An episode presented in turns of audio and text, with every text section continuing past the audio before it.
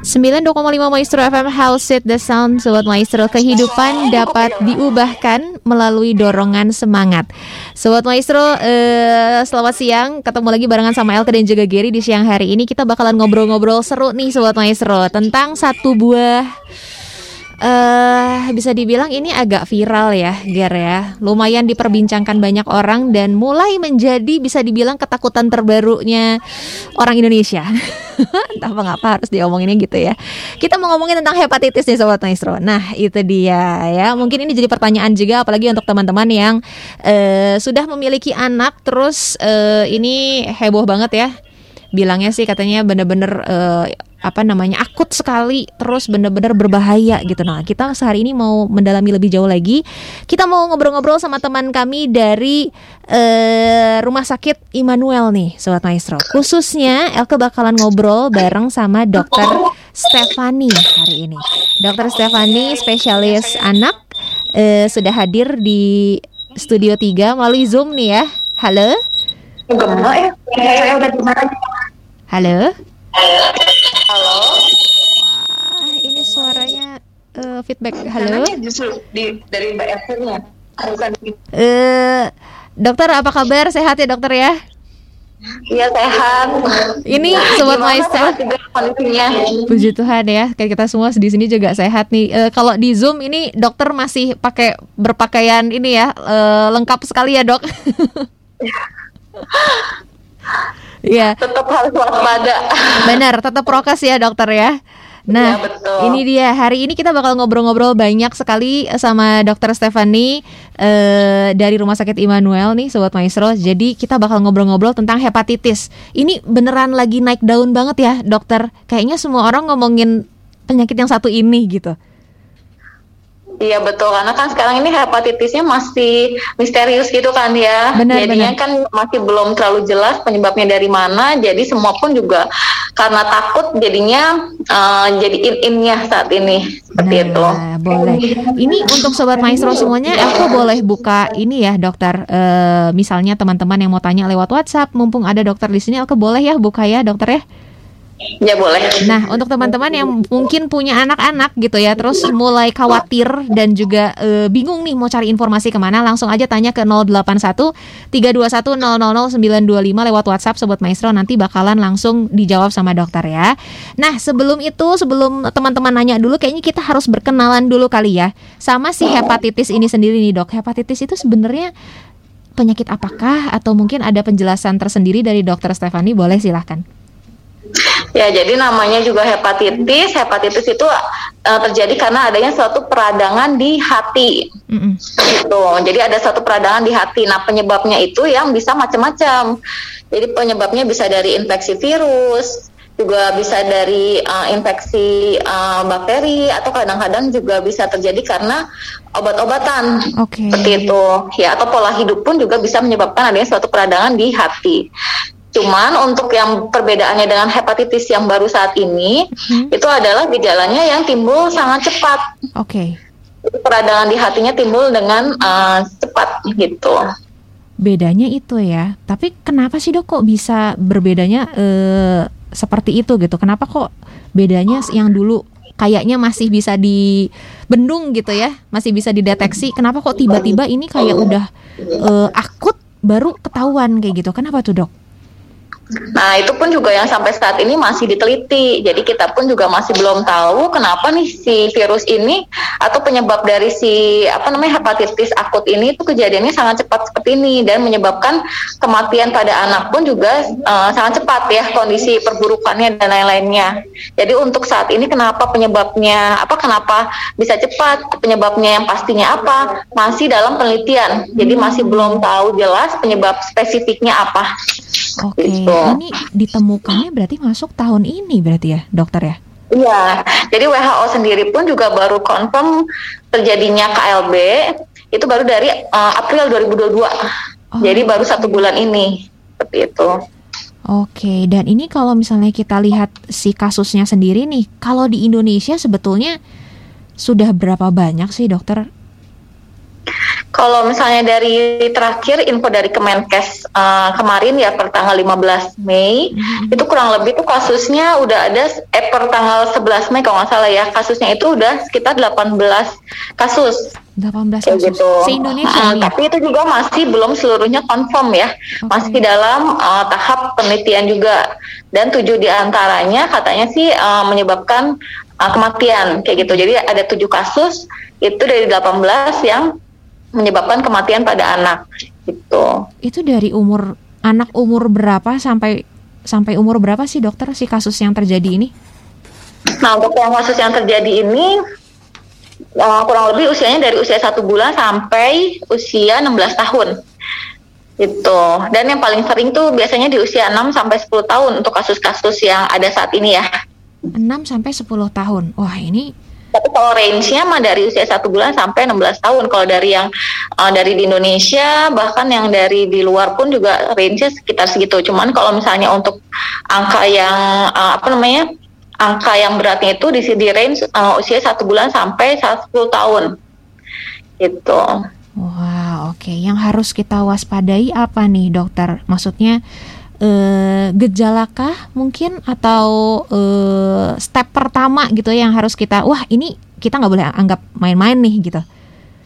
Ya, jadi untuk saat ini nih, moms and dad di rumah. Jadi kalau misalnya tiba-tiba anak ada keluhan demam, kemudian ada keluhan uh, lemas, anaknya ada muntah, diare, sakit perut. Nah, itu kita udah harus mulai waspada nih. Ya, walaupun memang enggak 100% nih anak keluhan itu pasti nih hepatitis enggak juga. Jadi harus dibawalah ke dokter uh, anak dulu untuk dinilai apakah perlu dilakukan pemeriksaan lebih lanjut ke hepatitis atau enggak nah gejala awalnya seperti itu tapi nanti kalau misalnya dia memberat nanti mulai muncul gejala-gejala kuning seperti kelihatan nih kulitnya mulai kuning matanya mulai kuning pipisnya uh, anak itu mulai uh, warnanya kuning pekat seperti air teh yeah, yeah. pupnya pun juga BAB-nya mulai berubah warna jadi sedikit keputihan okay. kayak gitu tuh yang perlu dipantau ya. Oh, itu udah stage uh, gawat atau gimana nih dokter kalau yang kalau udah kelihatan kuning gitu kan udah kelihatan banget ya gitu. Jadi tanpa oh, kita periksa, oh ini udah pasti penyakit kuning gitu kan. Iya, jadi kalau misalnya itu udah masuk ke gejala lanjutan ya. Aduh. Jadi makanya sedini mungkin gejala anaknya masih ada keluhan baru diare, muntah. Nah, itu udah langsung lah dibawa ke dokter anak untuk diperiksa lebih lanjut seperti itu. Oke, biasanya soalnya gini dok, kalau misalnya anak eh, apa diare gitu ya, kan ibu-ibu biasanya gitu, apalagi yang zaman-zaman dulu tuh waktu kita kita kecil kan, oh ini mah mau pinter nggak apa-apa gitu kan, biasanya gitu ya. Iya ya banyak mitosnya soalnya ya. Benar. Aduh, ternyata itu perlu diwaspadai untuk saat-saat ini apalagi ya. Iya betul sekali aja. Jadi kita tidak boleh mengam, apa menganggap remeh suatu diare pada anak untuk saat ini. Oke, yang dokter bilang tadi gejalanya akut itu sebetulnya e, berlangsung berapa hari sih dokter? Terus gejalanya itu tuh e, yang dokter bilang tadi kuning, matanya e, mulai terlihat kuning, itu harus dipantau sampai berapa hari itu dok? Nah, untuk saat ini gejalanya itu masih bervariasi ya berbeda tiap anak ya. Cuman disebut akut itu kondisinya perburukannya atau kondisi kuning ke kondisi beratnya itu memang sangat cepat sekali ya. Kayak gitu. Makanya kita untuk saat ini pun juga masih dalam ongoing penelitiannya. Untuk berapa hari berapa harinya kayak gitu ya. Kalau dulu juga kan hepatitis A juga nyebabin kondisi yang hampir sama ya hepatitis A dulu kan. Betul, betul. Nah, tapi kan untuk saat ini hepatitis A jarang sekali sih yang menyebabkan kondisinya um, menjadi fulminan atau berat seperti ini. Walaupun ada juga hepatitis A yang menyebabkan kondisi yang berat seperti ini. Mm -hmm. Gitu.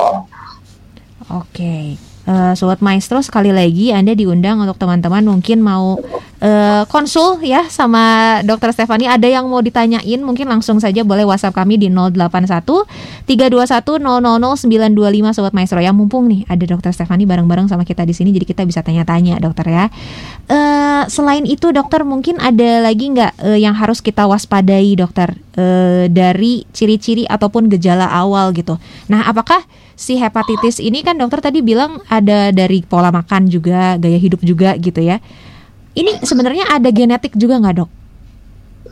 Kalau misalnya untuk sampai saat ini genetik pun juga masih belum diketahui ya, hmm. apakah ada pengaruh genetik atau enggak. Penyebabnya sendiri apa itu juga masih diteliti. Nah, beberapa penelitian atau beberapa kasus ternyata itu ditemukan adanya suatu virus namanya itu adenovirus ya kayak gitu. Dan juga ada beberapa kasus juga yang tumpang tindih sama uh, COVID. Nah, betul. tapi itu masih dalam penelitian ya kayak gitu. Jadi kita nggak tahu nih penyebab pastinya apakah karena suatu virus pencernaan atau karena suatu virus dari saluran pernapasan gitu. Nah ini yang juga kita masih belum bisa ngasih tahu kepada Mams and Dad bahwa penyebab pastinya itu apa. Okay. gitu karena masih ongoing penelitiannya. Tadi sempat disebut sama dokter ada virus itu itu virus apa tuh dok? Yang sempat tadi dokter uh, sebutin tapi oh. nggak bisa tangkap. ada suatu virus namanya adenovirus ya. Okay. Nah itu tuh virus uh, virusnya itu bisa uh, menyerang ke pencernaan, bisa juga menyerang ke saluran pernafasan. Seperti okay. itu ya. Itu sudah ada tapi si virus ini dari dulu tuh dokter. Sudah ada sebelumnya ya, tapi ada juga yang diyakini bahwa si virus itu tuh mengalami mutasi. Ada juga yang oh. meyakini hal tersebut. Jadi ini masih masih banyak uh, pertanyaan yang masih belum terjawab seperti itu. Makanya masih dibilangnya hepatitis yang misterius karena semua semuanya juga masih misterius seperti itu. Betul, jadi unknown banget ya. Tapi kalau misalnya aku lihat berita nih teman-teman ada beberapa juga yang e, ngobrol di sosmed gitu kan ya, ada hubungannya sama COVID-19. E, ada hubungannya sampai bilang juga sama vaksin, bener ya dokter ya? Ada sempet banget omongan kayak gitu. Tapi kalau aku lihat lagi, ini si jangkanya aja satu bulan sampai 16 tahun dan banyak yang di bawah usia yang belum menerima vaksin gitu ya.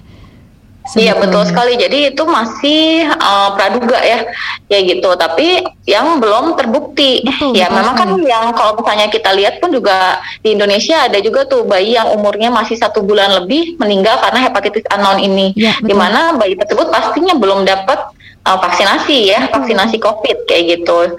Jadi untuk vaksin sampai saat ini belum uh, belum jelas efeknya terhadap hepatitis ini kayak gitu. Untuk uh, apa? Untuk COVID sendiri pun juga sama masih belum uh, jelas apakah ini menjadi penyebab si hepatitis of unknown origin ini seperti itu. Tapi bisa uh, muncul maksudnya jembatannya oh sepertinya gitu kayak ada praduga seperti itu gimana tuh dokter? Kenapa bisa muncul karena COVID begitu? Nah, jadi pas lagi diteliti di apa namanya kan di daerah Amerika sana diteliti nih dari ratusan kasus kan di sana udah ada sekitar ratusan lebih kasus ya. Nah, pas lagi diteliti di dalam tubuhnya si anak-anak yang terkena hepatitis itu didapatkan adanya suatu virus si adenovirus itu. Nah, beberapa anak pun juga pas lagi dicek ternyata nih ada si virus SARS-CoV-nya kayak gitu. Jadi masih uh, apa namanya belum jelas nih yang nyebabin tuh yang A atau yang B kayak gitu. Oke, tapi apakah gejala-gejala yang tadi dokter sempat uh, paparin gitu ya? Uh, apakah gejala awal itu langsung terlihat, dokter? Apalagi sekarang PTM kan sudah dimulai nih ya. Uh, hmm. Mungkin ini benar-benar perlu kesadaran dari orang tua sendiri ya untuk masukin anaknya PTM gitu ya. Nah, jadi karena kan ini kita masih duga-duga kan penyebabnya atau penyebarannya apakah dari makanan seperti hepatitis A biasa. Hepatitis A biasa kan dulu penyebarannya itu lewat uh, apa namanya lewat makanan ya, lewat kebersihan dan lain-lain ya. Kayak gitu. Kalau misalnya memang penyebabnya dari uh, virus yang lewat makanan ya pasti nanti moms and dad yang mau masukin anaknya untuk mulai lagi sekolah tatap muka yang harus diperhatikan ya jaga kebersihan. Kan sekarang anak-anak udah pinter ya cuci tangan ya. Betul udah karena terbiasa si COVID ya. ini ya. Jadi udah lebih pinter nih untuk mulai uh, jaga kebersihan ya. Hmm, hmm. kemudian juga yang paling penting adalah untuk pemberian makannya ya. Jadi makan pun juga kalau bisa bawa bekal sendiri hmm. ke sekolah nggak jajan-jajan di sekolah ya. Kemudian juga makan kalau bisa makan makanan yang matang okay. jangan yang setengah matang atau yang mentah-mentah dulu. Dan juga nggak sharing ya. Nggak sharing makanan dan juga nggak sharing alat makan kayak gitu kemudian pakai masker dan lain tetap diterapkan ya kayak gitu. Oke, ini sobat maestro semakin seru ya kalau misalnya kita ngobrolin tentang anak-anak apalagi gitu ya. Dan mungkin teman-teman yang baru saja eh, apa namanya memiliki anak gitu ya terus apalagi sekarang dikasih lihat oh ternyata eh, apa namanya menyerangi anak dari satu bulan juga udah nah ini merupakan kayak ketakutan baru nih dokter setelah kita kayaknya mau eh, agak santai sedikit gitu ya agak santai sedikit. napas ya. Baru aja kayaknya selonjoran dulu sedikit dari COVID, loh ternyata ada lagi yang baru gitu. Wah, ini apakah dan belum diketahui juga dari makanan ataupun uh, pen, saluran pencernaan ataupun bisa dari napas. Kalau dari napas sama sama-sama kayak COVID berarti ya dokter ya. Kalau iya, misalnya. Iya. Iya. Jadi tetap masker pun juga tetap harus digunakan ya ke mana pun anak um, berada. Jadi jangan kira nih angka COVID kan udah mulai turun ya. Betul, betul. Terus juga udah Moms and kan pasti udah banyak bawa anak ke playground ke mana kayak gitu kan ya. Yeah. Tapi tetap harus diperketat lagi seperti itu. Oke, dokter kita mau uh, buka uh, pertanyaan dari teman-teman yang ada di WhatsApp ya, dokter ya. Ini ada yang bertanya katanya begini sebentar. Uh, harus uh, dokter selamat siang. Ini saya mau tanya harus uh, sampai seberapa sebentar ini yang mana tadi ya? Sebentar dok. Oke ini dia. Kasus akut untuk diare pada anak. Nah ini harus sampai seberapa baru ke dokter katanya dokter? Ya jadi kalau misalnya untuk anak-anak itu yang diare kalau diarenya frekuensinya udah lebih dari tiga kali dalam sehari, hmm. kemudian anaknya udah ada tanda-tanda lemas, ya makan minum nggak baik dalam waktu 2-3 hari nggak ada perbaikan di rumah, cepat dibawa ke dokter untuk diperiksa. Seperti itu, apakah penyebabnya karena virus biasa atau karena bakteri biasa atau udah mengarah ke arah hepatitis ini seperti itu. Tiga ya. hari ya, berarti dok ya. Uh -uh. Oke, semoga ini menjawab pertanyaan ya Bapak atau Ibu uh, dicek kondisinya selama tiga hari. Dan kalau misalnya kita lihat lagi kalau dari awalnya itu memang diare ya dokter ya? Atau ada gejala lain yang muncul dari kasus-kasus yang dokter pernah lihat gitu? Untuk sampai saat ini sih di rumah sakit kita sih belum ada ya kasus yang hepatitis ini. Nah, hmm. kasus terbanyak tuh banyaknya di Jakarta ya untuk saat ini ya. Kayak gitu. Kalau misalnya dari apa kasus-kasus yang di Jakarta pun um, gejala yang pertama kali muncul itu biasanya adalah diare. Gitu diare, demam dan beberapa anak ada juga yang langsung jatuh ke arah kuning kayak oh, gitu.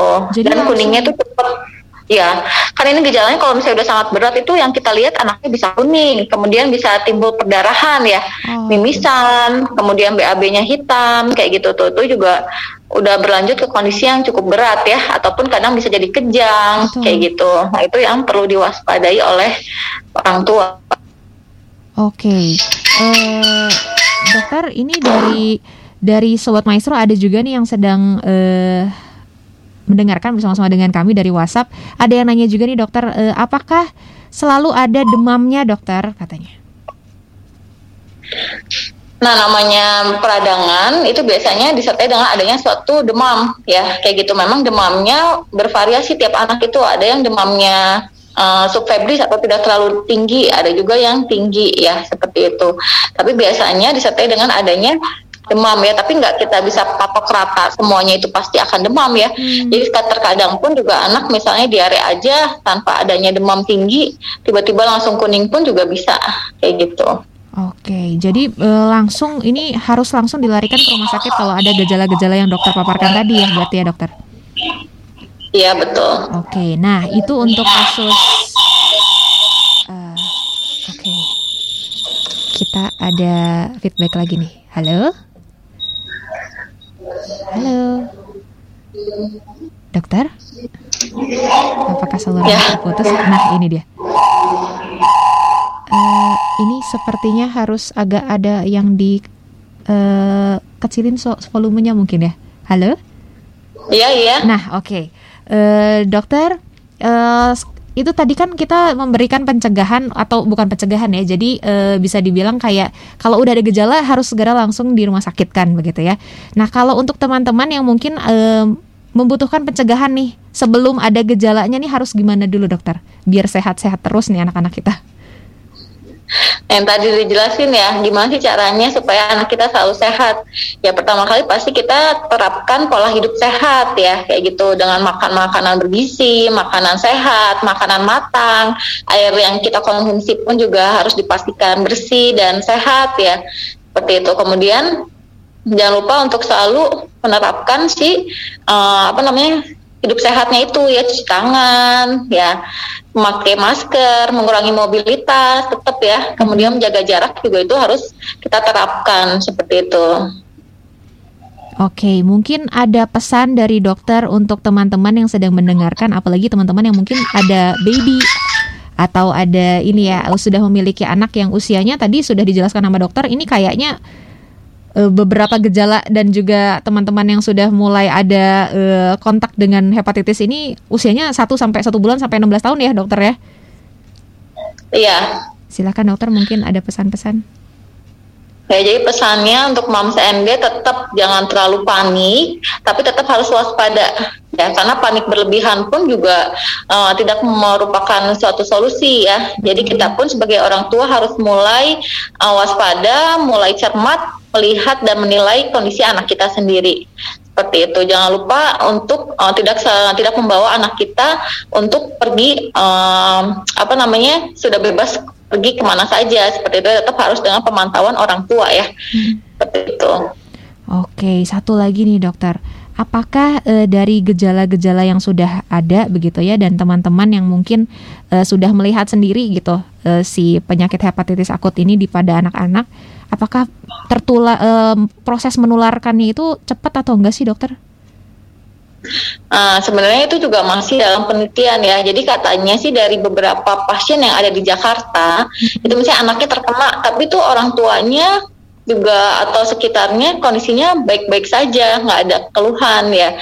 Itu juga masih kita pantau berapa lama kan dulu kan kalau misalnya kayak COVID ada masa inkubasinya udah berapa hari. Ya, nah untuk saat ini masa inkubasinya pun berapa harinya masih dalam penelitian. Jadi kita belum tahu hmm. berapa lama nih si masa inkubasinya mulai dari terpapar sampai menimbulkan suatu gejala gitu. Oke, jadi benar-benar harus dijaga ya, uh, sobat maestro. Belum memang bolehlah agak santai sedikit agak ya menghirup udara dulu ya dokter ya. Kayaknya udah dulu deh gitu si covidnya udah mulai turun gitu kan. Tapi e, bukan saatnya anda untuk lengah nih sobat maestro sekarang ya. Harus tetap jaga protokol kesehatan anda karena memang belum masih diteliti juga ini asal muasal si virus yang satu ini dari mana? Rada bingung juga gitu ya. Kalau kita dengar di berita di luaran sana kayaknya semakin takut malah jadinya. Karena oh ada yang bilang dari saluran pencernaan. Ada yang bilang dari saluran uh, pernafasan. Wah ini semakin bingung dokter. Jadi memang harus uh, ini ya harus siap di dua bidang itu gitu dokter. Jadi ya harus cegah dari saluran pencernaannya takut ada gejala dan juga saluran pernafasan jadinya ya harus dua-duanya ya dokter ya. Iya betul. Jadi kita lebih ketat lagi nih untuk jaga ininya ya prokesnya. Dulu kan cuma pakai masker dan yang lain, tapi tetap kan cuci tangan juga suatu apa namanya sesuatu yang paling penting kunci ya kayak gitu.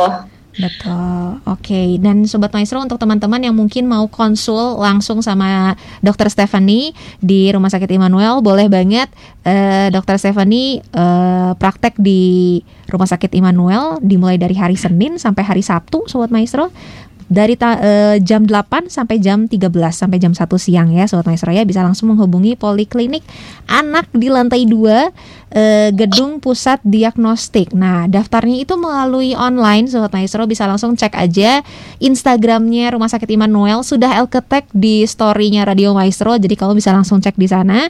Sekali lagi prakteknya Dokter Stefani ada di hari Senin sampai hari Sabtu jam 8 sampai jam 1 siang nih Sobat Maestro ya. Poliklinik Anak lantai 2 Gedung Pusat diagnostik. Oke. Okay.